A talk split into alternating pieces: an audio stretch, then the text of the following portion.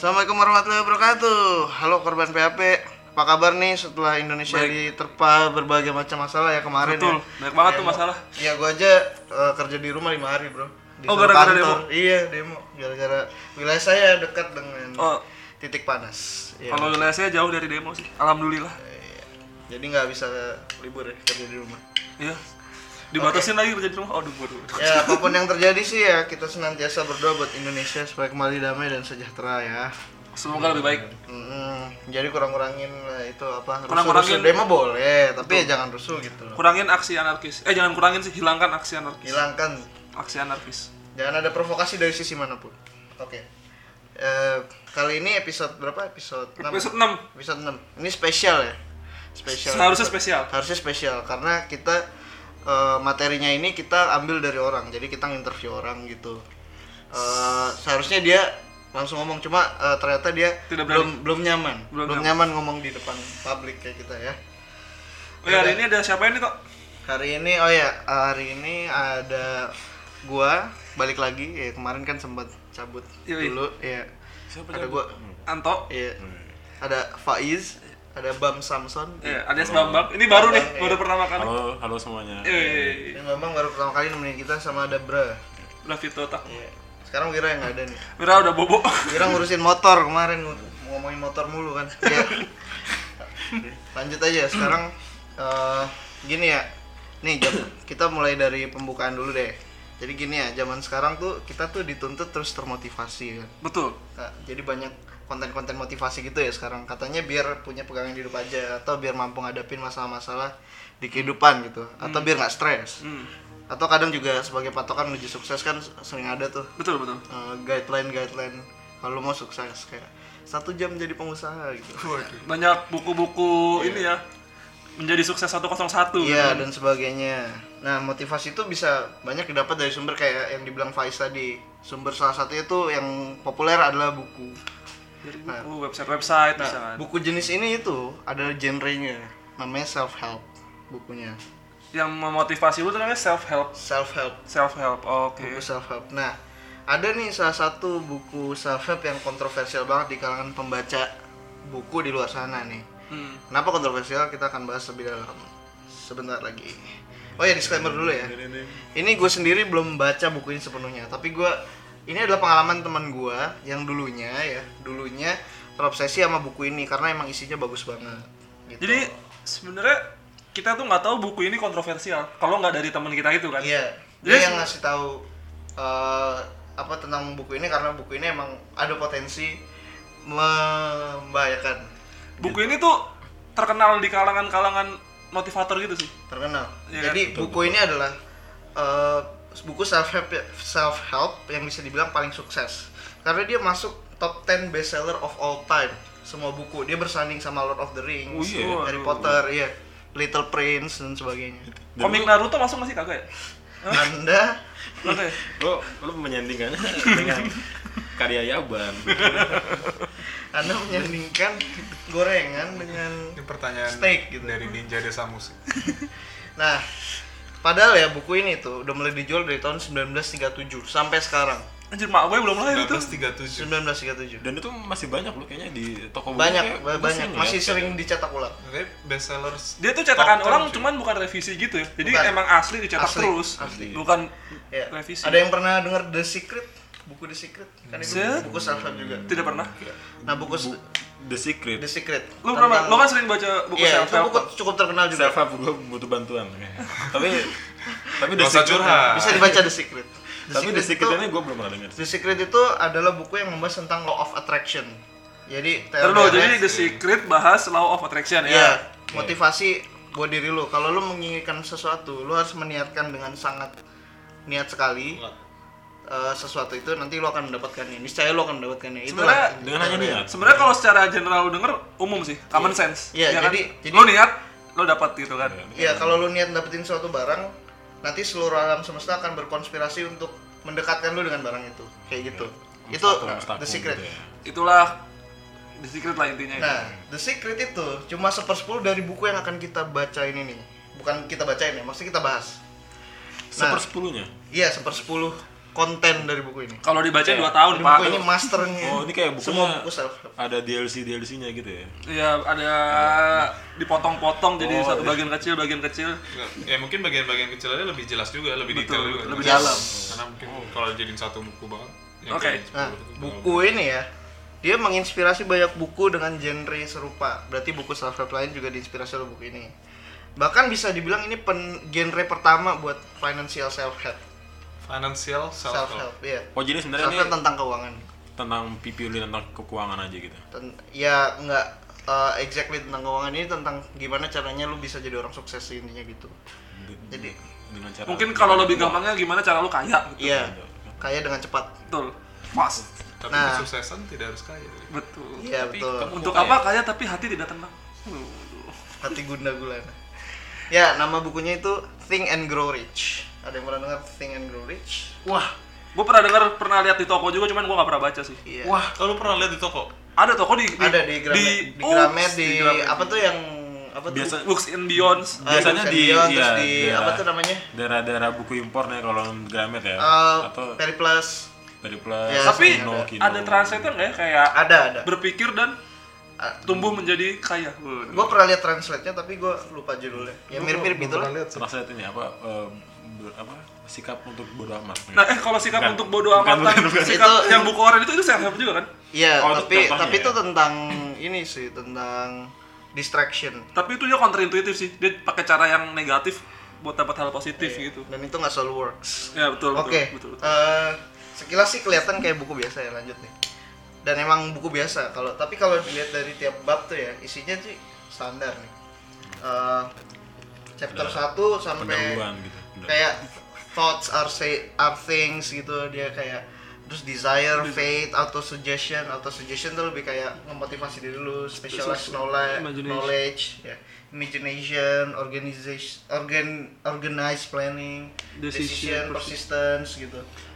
Nah itu itu tuh isinya tuh cuma kayak lu harus orang jadi orang yang sering uh, giving ke ke lingkungan lu. Nanti lu akan di give back sama lingkungan lu. Gitu. Kayak lu orangnya harus lebih kerja keras extra mile gitu. Terus lu jadi orang yang baik gitu kayak you don't say gitu lah. Iya, kayak- saran-saran yang you don't say gitu. Kayak sebenarnya orang biasa pun bisa nulis itu. iya Iya. motivasi terus strategi buat manage keuangan. Gak ada yang aneh kan? Masih kayak ya normal lah. Seperti buku-buku self help pada umumnya. sampai di bab 14 Nama babnya? babnya ada berapa total? ada 15 Oh, 15 bab. ada 15 bab jadi 1 sampai 13 tuh kayak saran-saran aja eh, gimana lu menghadapi kehidupan gitu Oke. Pas 14 gimana lu spicy-nya ya. ya nah, habis itu di bab 14 ini nama babnya itu The Sixth Sense Indra ke nah The Sixth Sense ini yang membuat gue tahu gitu ternyata ada di luar sana konsep pesugihan atau perjanjian dengan makhluk lain atau selain Tuhan bedanya ini lebih bahaya ya nggak kayak setan-setan kroco gitu Ini sudah bermain ini ya di apa Iya, namanya? gua yang juga baru tahu gitu. seharusnya Gua ya kira- dari self help ya. Nah, gue kira tuh di Indonesia doang ada konsep pesugihan atau perjanjian gitu. Ternyata di luar juga ada. Gimana eh, buku ini introduce dari sesuatu yang logis ke sesuatu yang tidak logis. Kita lihat. Jadi sebenarnya Pembahasan berikutnya. itu sebenarnya kayak mungkin kalau lu baca chapter sampai 13 tuh kayak oke oke oke 55 14 kok kayak bentar bentar. Kenapa begini jadinya gitu kan? Iya. Tapi mungkin kalau lu nggak tahu cerita sebelumnya, mungkin lu ngebaca mungkin normal kali ya. Kayak lu ya manut-manut aja gitu sama isi bukunya. Iya, karena kan. emang bagus banget dan temen gue udah baca dan emang bagus. Oh si yang Dia- teman kita si A ini iya. udah pernah baca ya. Dan dia bagus dan dia obses. Dia mempraktekkan itu. Dia mempraktekkan isi-isi bukunya. Dan menurut dia itu sangat helping banget gitu. Tapi di bab 14 ini emang ditulis gitu ya, kayak ada ini adalah stepnya. pesugihan gitu. Nah, ini mau Enggak. diceritain. Nah, itu nanti nanti kita bahas lagi. Coba, lebih dalam. Jadi eh, pertama eh, gue kasih tahu dulu kalau di bab 14 ini kita akan diperkenalin sama konsep Temple of Wisdom. Apa itu Temple of Wisdom? Nanti kita bahas lebih lanjut. Jadi eh, pertamanya buku ini tuh eh, menarik ya karena buku ini kan terkenal. Karena terkenal dia sering dikritik. Tapi ada satu kritikan yang sangat dalam banget gitu Hmm. dalam banget nah itu ditulis sama seorang jurnalis dari Australia pada tahun 2016 kalau nggak salah Namanya? namanya Matt Novak jadi Hmm. si Matt Novak ini dia cukup skeptis sama buku Think and Grow Rich itu eh, sebenarnya bukan nama bukunya sih, tapi sama penulisnya sendiri. Jadi buku Think and Grow Rich ini ditulis sama Napoleon Hill. Hmm. Eh, orangnya juga terkenal sebagai penulis buku self help yang lain gitu. Nggak cuma, tapi ini yang paling booming. Lalu eh, dia di tahun 2016 itu dia melakukan riset mendalam sama kehidupannya si Napoleon Hill ini. Hmm. Nah, gue dia udah ngerangkum nih beberapa poin yang diklaim oleh si Matt Novak tentang si Napoleon Hill ini. Oke, ini poin pertama yang diklaim si Novak ini ya. Hmm. Eh, yang pertama eh, dia bilang jadi dia dia nulis di suatu blog gitu. Nama bukan blog sih kayak news network gitu namanya Gizmodo. Gizmodo.com. Oh, Gizmodo. Nah, dia tuh ada jurnalis di Gizmodo ini. Nah, jadi lanjut lagi ke poin pertama itu. Eh, menurut dia, segala biografi, wiki, artikel tentang Napoleon Hill itu ditulis kayak iklan, advertise. Jadi dibesar-besarkan tentang si orangnya itu. Oke. Mm-mm, itu yang menurut dia yang aneh. Oh yang persuasi gitu, ya, Apa? persuasif gitu ya. Personal ya kayak branding. terlalu inilah mengagung-agungkan si Napoleon Hill itu di semua biografi wiki artikelnya yang tentang si Napoleon Hill itu. Nah, kemudian di sebuah biografi resmi Hill yang dirilis tahun 95, dia itu ngaku-ngaku sebagai penasehat dan sangat dekat sama dua mantan presiden Amerika, yaitu Franklin Delano Roosevelt sama Woodrow Wilson. Bahkan dia ngaku dia yang inspirasi kata-kata terkenal Roosevelt, yaitu the only thing we have to fear is fear itself. Katanya gitu itu kata-katanya si Roosevelt yang terkenal. Nah, habis itu juga ada klaim Hill yang paling terkenal.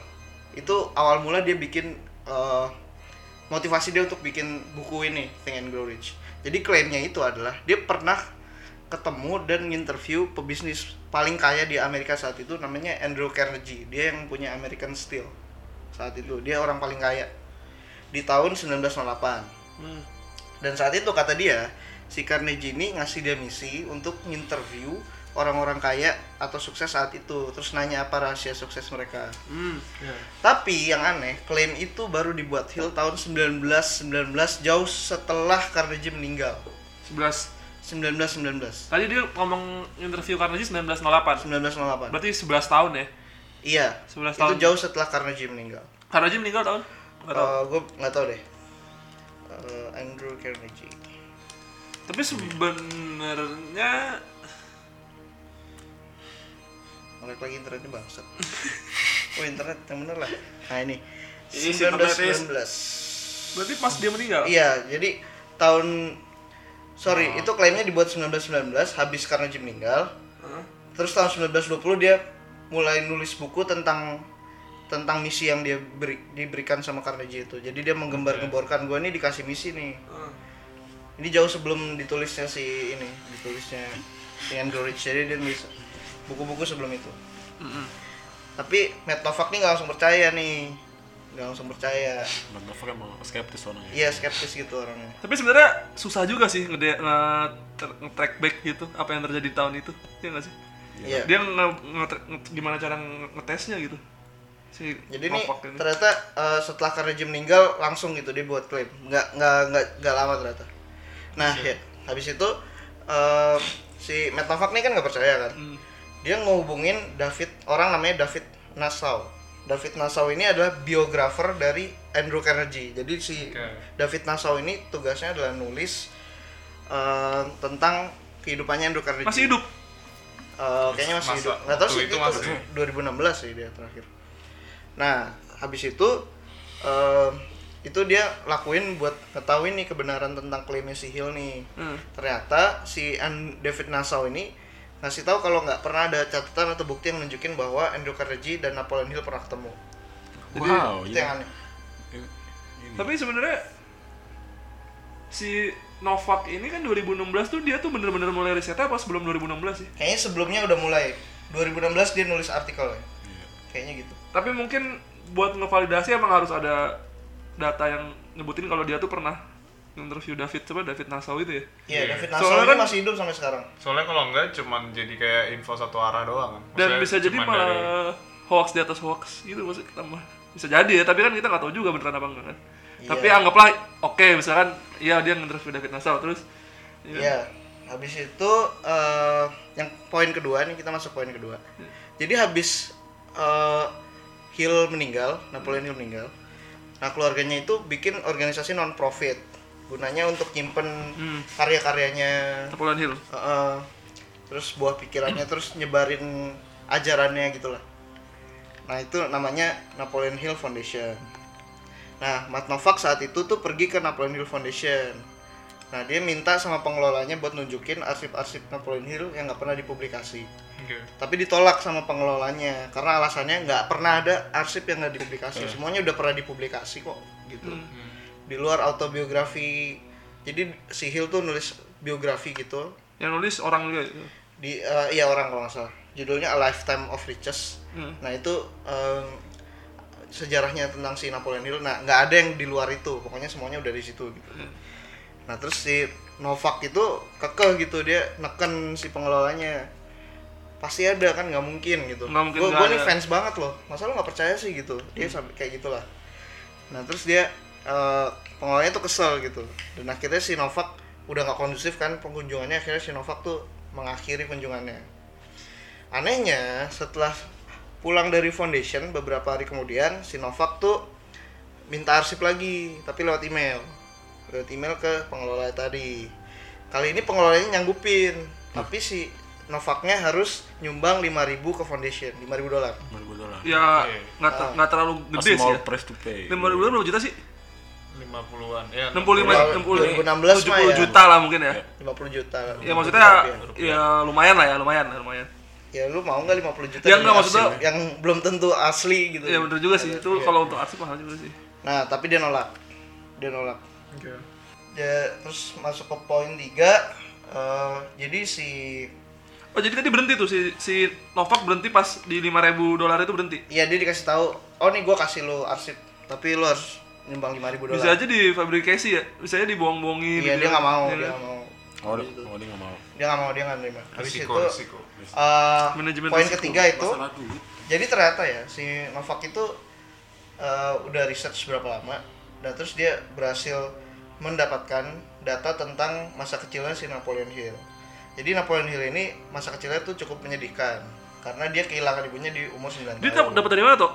Dapat dari dibilang research dari berbagai macam dokumen arsip yang dia temuin sih gue dia nggak nyebutin Oke, sumbernya. terus Habis itu eh, dia kehilangan ibunya di umur 9 tahun.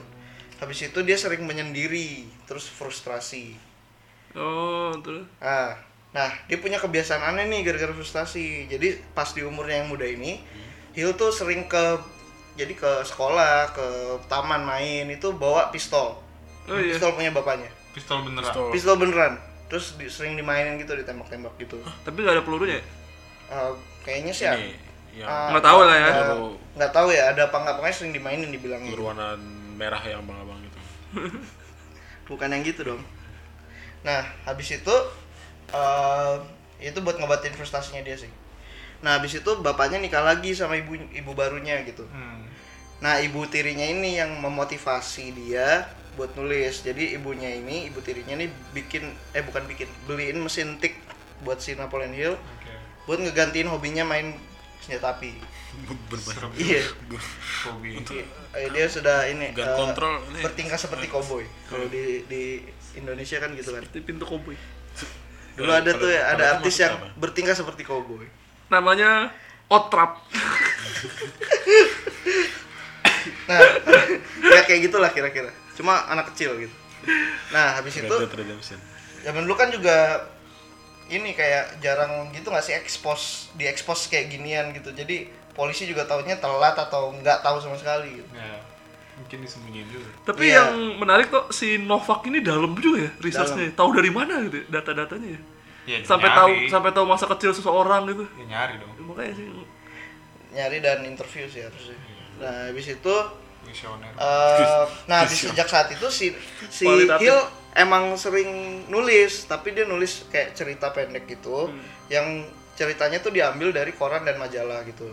hmm. Oh, jadi kayak nulis ulang isi majalah gitu. Dia terus diedit gitu kayak semacam Farah oh Clipping. Farah parafrase gitu ya ditulis parafrase juga, jadi kayak diubah gitu. Oh jadi bukan Jadi dia bikin cerita tentang mungkin tentang dia sendiri gitu, tapi ya diubah. Ja- Jadi ceritanya dari koran terus diubah jadi dia gitu. anjir oh bukan Oh, parafrase kayak, oh, kayak kayak semacam apa diedit gitu lah Ada narsis narsisnya Oh. gitu ya. Kayak narsis. RP gitu tapi nggak semua ya belum tentang tentu tentang dia juga sih Iya belum tentu tentang dia. Pokoknya dia intinya ngeganti cerita. Dia ngambil suatu cerita terus diganti sama dia gitu lah. Nah, terus. Oh, emang hobi nulis aja kan anak kecil ya maklum ya. Habis itu juga menurut catatan yang ada Napoleon Hill telah tercatat pernah menikah setidaknya lima kali. Wah, dia. Lima kali gantian gitu, nggak langsung ya. Nggak kayak di sini dong. lima barengan Lima barengan ajaran mana bro? Istri tua merah. Anehnya juga itu nggak banyak kecatat di dokumen. Jadi yang kecatat tuh cuma pernikahan yang awal itu pun dikit gitu, nggak nggak banyak. tuh catatan dari mana dia dapat ya hebat juga Iya. Kayaknya dia punya ini apa uh, WikiLeaks ya.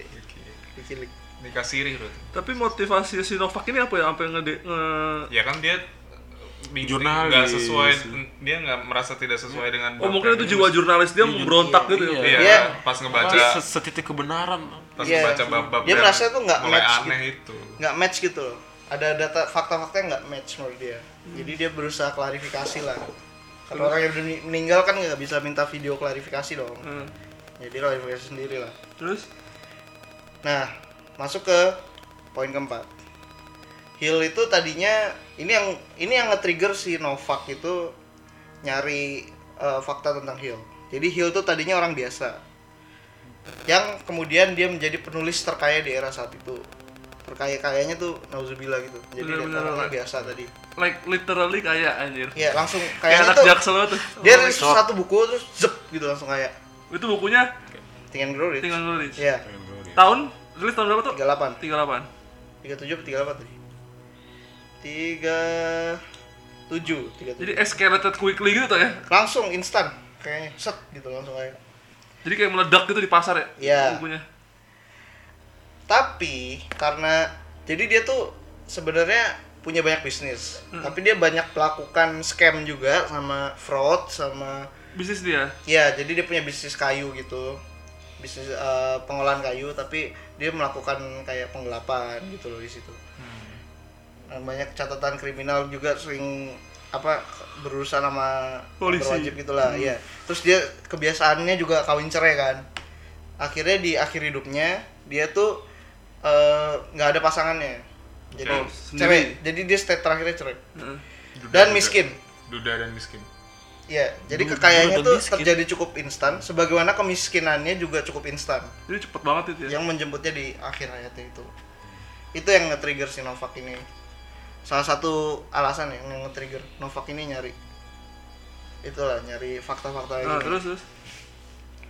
Nah, habis itu sekarang masuk ke poin kelima nih. Nah, tadi gua kan sempet nyinggung nih Temple of Wisdom nih. Itu bab ke-14. Iya, yang tadi Temple of Wisdom. Jadi Temple of Wisdom tuh apa sih? Temple of Wisdom tuh kalau gue jelasin sedikit ya. Temple of Wisdom itu adalah eh, jadi si buku ini tuh ngasih kita kebiasaan sebelum tidur itu kita bayangin suatu ruangan kosong yang ada mejanya. Jadi meja makan gitu atau ya ruangan kosong aja. Nah, di sini kita bayangin idola-idola kita atau orang-orang sukses yang menurut kita bisa jadi panutan gitu. Contohnya misalnya gue ngebayangin Einstein atau Thomas Alva Edison gitu atau Bill Gates gitu. Ada di ruangan itu sama gue. CR CR. Iya. Se- bisa lu sebelum tidur setiap hari. Nah, nama tempat ini namanya Temple of Wisdom. Tempat lu ngebayangin lu diliatin idola lu gitu ya. Iya. kan? Nah, eh, tujuannya apa? Tujuannya adalah eh, supaya kita bisa ngelempar unek-unek ini buat cerita ke misalnya kita punya anak-anak nih, ah du duit gua tipis gitu. Nah, kita bisa cerita ke tokoh-tokoh yang kita tampilkan di dalam Temple of Wisdom ini. Mm-mm. Nanti ya nanti kita bahas lagi lebih lanjut. Nah, ternyata eh, Temple of Wisdom ini itu kebiasaan yang sering dilakuin Hill dulu ketika dia sedang depresi waktu muda. Jadi dia sering melakukan ini untuk menghilangkan depresinya itu.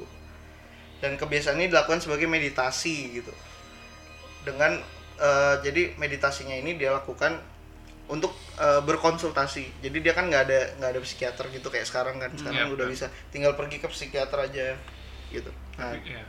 kalau dulu dia ngelakuinnya itu dia meditasi terus dia berkonsultasi sama dirinya yang lain. Dirinya lain itu apa nanti kita akan bahas lagi. Atau dia nyebutnya guardian angel-nya gitu. Hal ini tuh keungkap habis si Hill meninggal jadi habis Hill meninggal tuh ada arsip yang nggak pernah dipublikasi oleh Hill. Dan dia dip- dipegang oleh mantan istri terakhirnya. Tapi akhirnya tadinya kan kayak eh, ditutup-tutupin gitu sama Napoleon Hill Foundation kan. Tapi akhirnya dirilis juga tahun 2011 judulnya tuh Outwitting the Devil. Nah ini Itu bukunya buku? buku buku lagi. Nah ini bukunya tuh isinya pembicaraan Hill dengan dirinya yang lain itu di Temple of Wisdom. Mm. nah bagian seremnya di sini jadi cara kerjanya Temple of Wisdom itu adalah pertama sebelum tidur lu kan tadi kayak gue bilang bayangin satu ruangan yang isinya orang-orang yang berpengaruh atau terkenal yang merupakan idola-idola lu Hmm. idola lu yang lu panut gitu. Mm. nah tiap malam itu kayak gue bilang eh, lu kayak liatin tuh orang-orang siapa aja gitu. Lu ajak mereka ngobrol unek-unek lu. Ya kan namanya bayangan mereka nggak respon dong. Iya. iya namanya juga kayak lu kayak sama patung aja gitu. Nah, terus Nah nanti eh suat- kan eh, suatu saat lu coba bayangin mereka bakal jawab apa gitu. Mereka jawab apa kalau itu kan lu bayang eh, jadi lu melakukan dialog kan misalnya gue bayangin ada Einstein depan gue terus gue ngelakuin dialog. Eh, Einstein duit gue habis gitu. Terus kata Einstein, oh iya harusnya lu nabung lebih ini lagi, nabung lebih keras lagi. tapi kan sebenarnya apa yang diomongin Einstein kan lu bayangin kan Yes, Iya itu kan gue bayangin. ya kan kayak sebenarnya walaupun dialog dialog itu ada di kepala lu gitu kan Iya. udah, udah lu Iya. iniin nextnya nanti eh, di setiap setiap malam kan lo ngelakuin terus setiap malam kan nah di setiap malam makin lama itu nanti akan ada toko-toko baru yang muncul di ruangan itu bahkan nggak lu pikirin ada di situ contohnya Karakter eh, unlock ya. gue tadinya ya bisa apa aja sih kan gue mikirnya Einstein sama Edison gitu terus tiba-tiba muncul Detektif Conan. ya Lionel Messi ya tiba-tiba ada Messi gitu Iya. kan ini ngapain ya sih Iya. kalau gue bayangin gitu?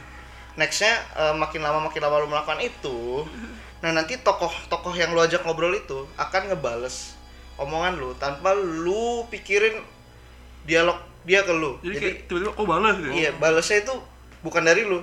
Kan kalau lu mikir kalau lu mimpi terus lu mikir dia kayak gimana balasannya kan lu tahu dong. Hmm. lu ngerti dong kayak eh, karena itu buah pikiran lu. Tapi ini bukan karena lu cuma nanya mikirin pertanyaannya doang Hmm. jawabannya tuh gak dari lu gitu hmm masih aja nah itu di sini mulai creepy kan kayak kok Hmm, bisa sih kok bisa? bayangan yang lu ciptain itu bales ke lu gitu Nggak sebenarnya yang balas itu yang bukan yang nggak lu bayangin kan? Apa si Einstein juga bisa balas? siapa aja Oh, bisa siapa aja. siapa aja yang lo ajak ngomong saat itu nah habis itu eh, makin banyak orang-orangnya di dalam di ruangan itu lalu akan muncul karakter yang bukan orang sukses biasanya biasanya ya tapi bisa juga siapa aja gitu. Tapi itu bisa jadi kita sendiri bisa adek lu bisa orang tua lu yang udah meninggal. Hmm. kemudian dia akan ngasih wejangan-wejangan setiap kita nanya ke dia. Nah hal ini yang kita sebut diri kita yang lain atau guardian angel kita. Tujuannya apa? Jadi eh, tujuannya itu kalau kita udah bisa nyiptain guardian angel kita setiap kita ada masalah atau bingung kita akan selalu ngandelin temple of wisdom buat cari solusi. Jadi kalau kita kayak wah pusing banget nih udah tinggal lakuin kebiasaan temple of wisdom itu aja buat nyari jawaban nah Kayak bener-bener jadi Iya. ini pedoman banget. kita ketergantungan sama dia Iya.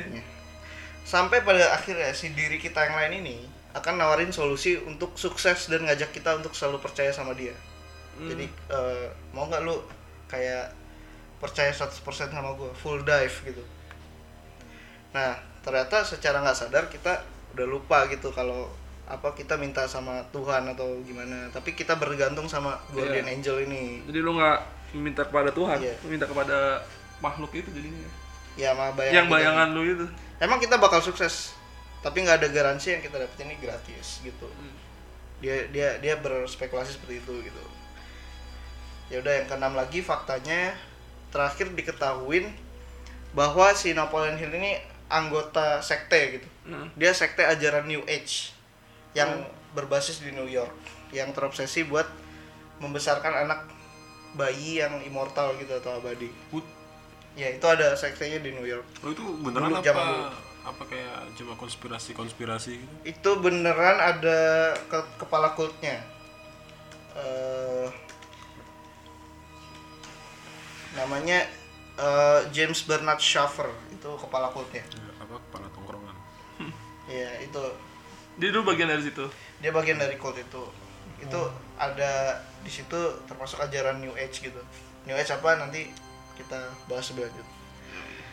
Kalau dilihat-lihat ya ini skenario yang sering kita lihat di film-film yang ada hubungannya sama perjanjian sama iblis gitu kan. ya Jadi skenario nya kita dipaksa buat membuat suatu perjanjian dengan makhluk yang meyakinkan buat kita. Taunya itu kos yang kos yang dikasih itu gede gitu. Ini yang gue bilang serem sih.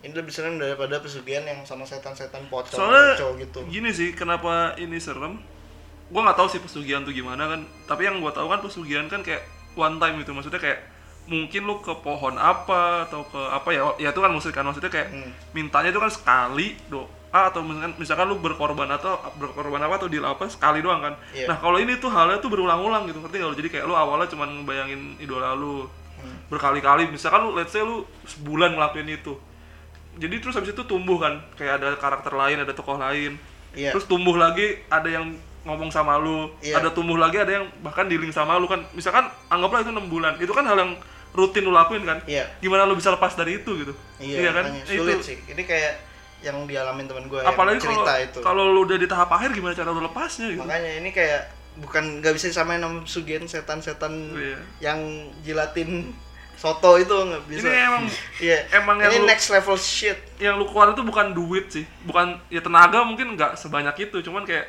kok Ada- kepa- kepercayaan lu sih yang di Iya, iniin, ini ya bisa kan? dibilang ya cara gue bisa safe to say kalau ini kemungkinan ya cara setan atau iblis buat ngeyakinin ngeyakinin lu nih. Kalau ada gua nih, gue bisa ngandelin lu karena gue jawab lu langsung gitu.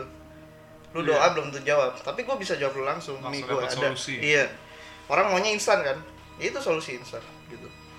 Gue bisa lu andalkan kan, gak usah perlu usaha-usaha lah untuk kaya gitu. Cukup Dan- gua aja. menurut gua cara ini emang udah nggak udah udah nggak normal sih udah berbau ritualistik sih Iya, ya kan ini bab isi bab 14 tadi. iya ritualistik Ya, banget kayak sih gitu. kayak ngayal lah terus ngayangin Iya, siapa lah itu udah kayak- ritualistik sih bener iya. tapi dia sih defense in defense-nya itu itu adalah kebiasaan untuk ngebangun diri lu buat bisa memotivasi diri lu sendiri gitu ini kebiasaan yang baik buat dilakukan supaya lu terbiasa memotivasi diri lu sendiri gitu katanya iya sih jadi subconscious lu eh, alam bawah sadar lu akan memotivasi diri lu di saat lu butuh solusi gitu gitu pembelaannya gitu hmm. Nah, jadi selain menurut si Novak nih, jadi selain si Napoleon Hill ini penipu ulung ya, dia juga ternyata ya penganut ajaran New Age gitu. Apa tuh ajaran New Age? Kita akan bahas next episode. Karena ada hubungannya sama temen gue yang eh, udah mempraktekkan buku ini, begitu. Ya, jadi eh, kesimpulannya ya ada banyak cara setan atau iblis ya buat nyesat, nyesatin kita gitu. Iya. Kalau mau kaya ya usaha bro. Jangan mudah tertarik gitu sama yang instan instan lu lu harus question gitu. Ada satu kalimat yang apa eh, nyangkut di pikiran gua. Gue lupa siapa yang ngomong tapi dia bilang kayak gini kalau sesuatu itu terlalu mudah maka ada sesuatu yang salah gitu if it's too good to be true something is probably wrong gitu. Jadi lo harus mempertanyakan enggak ya bisa aja itu emang mulus gitu. Tapi ya lu kan nggak benar-benar tahu. Lu harus double check gitu.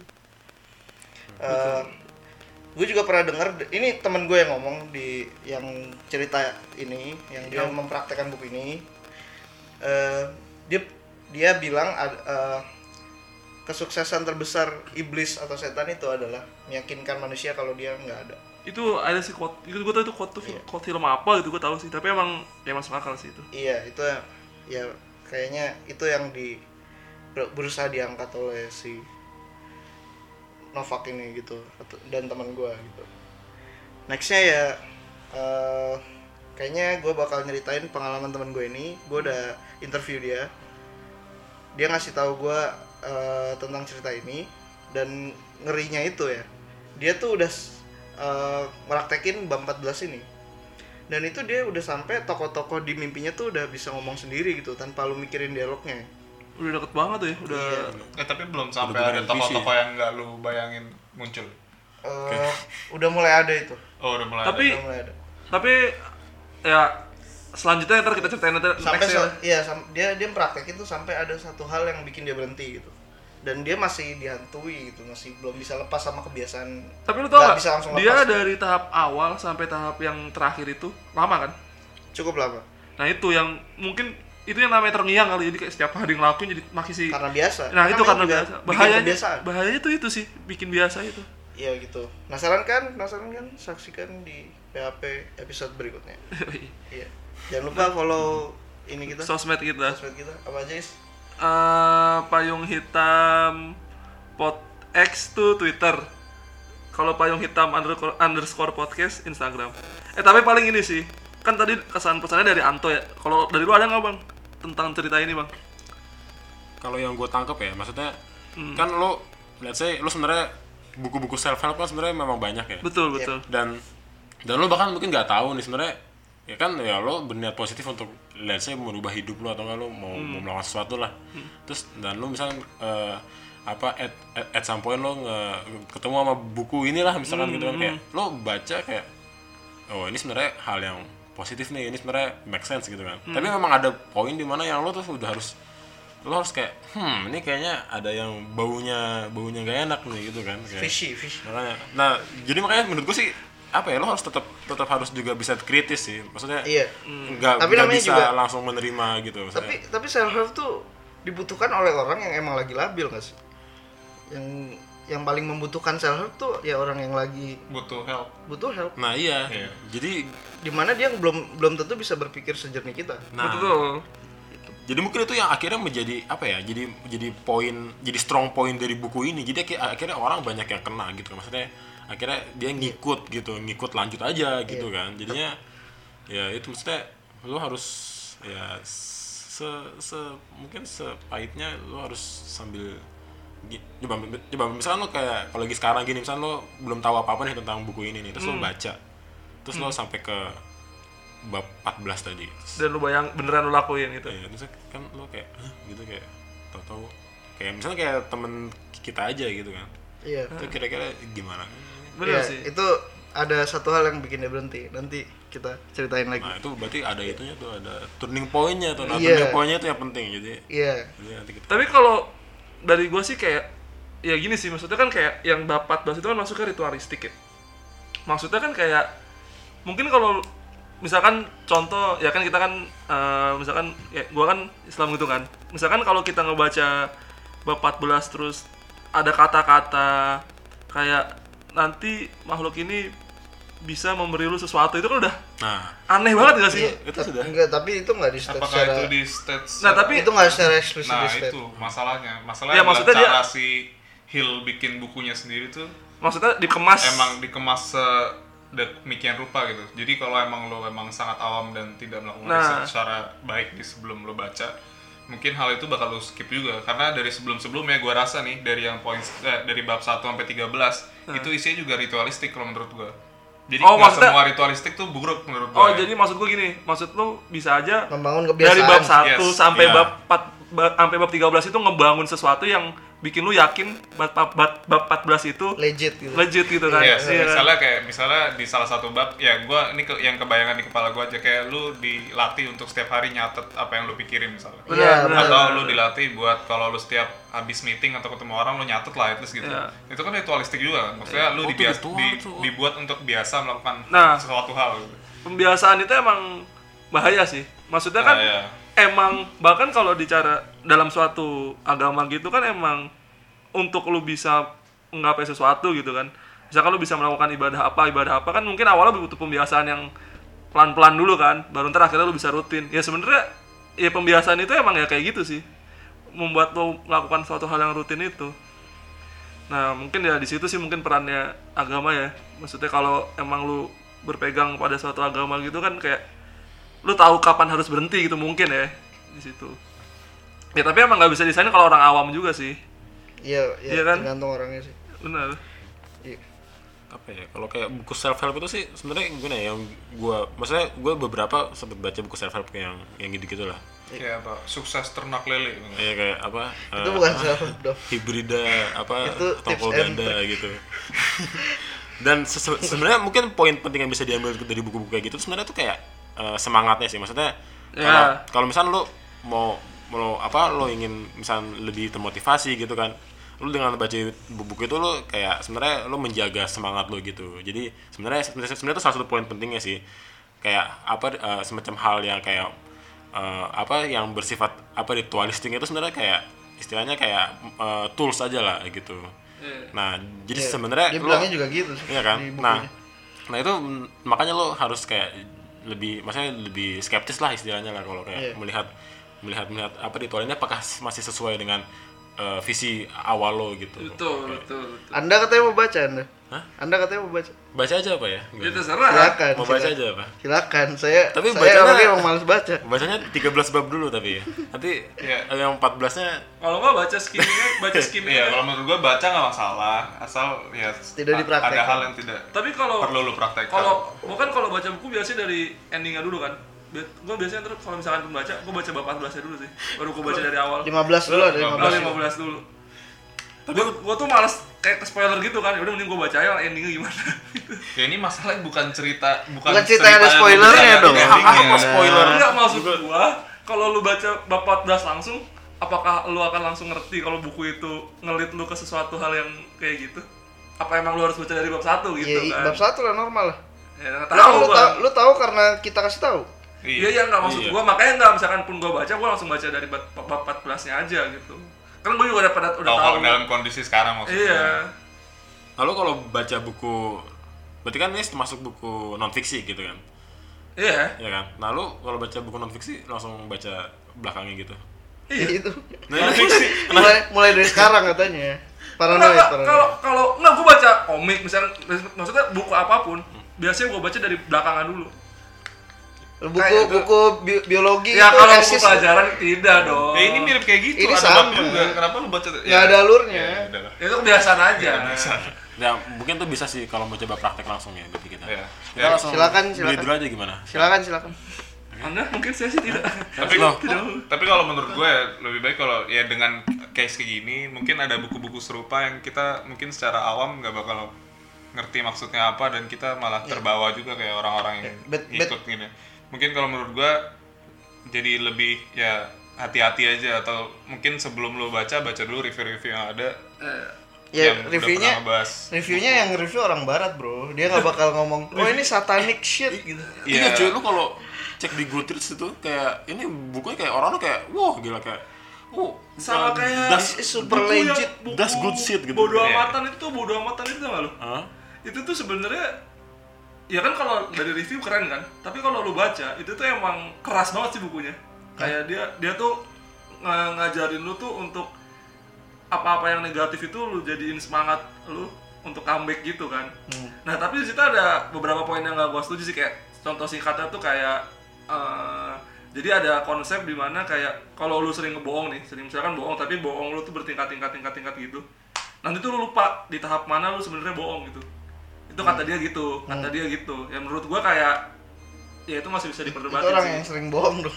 iya jadi misalkan awal lu bohong ini bohong Tapi ini itu bukunya berhasil loh. Pas gue baca Iya. Art of Bodo Amat, gue bodo amat gak baca. Iya itu berhasil loh. gue baca cuman Itu setengah itu dia. gue kasih temen gue gue malas bacanya terlalu keras menurut gue Bodo amat. Kalau Apalagi yang ditranslate bahasa Indonesia ya. Bu- Iya. buku gue yang translate The subtle art of not giving a fuck. I stop giving a fuck now. Gitu. Gue beli kan fotokopian gue kira padahal harganya kayak harga buku ori tapi fotokopian. Dah. Yaudah, kira, segitu ya lah kita kira-kira ya. Iya, nextnya tadi jangan lupa kita akan menceritakan cerita teman kita yang sudah kita interview. Baiklah, Eh, sampai jumpa korban PHP di PHP selanjutnya. Wassalamualaikum warahmatullahi wabarakatuh.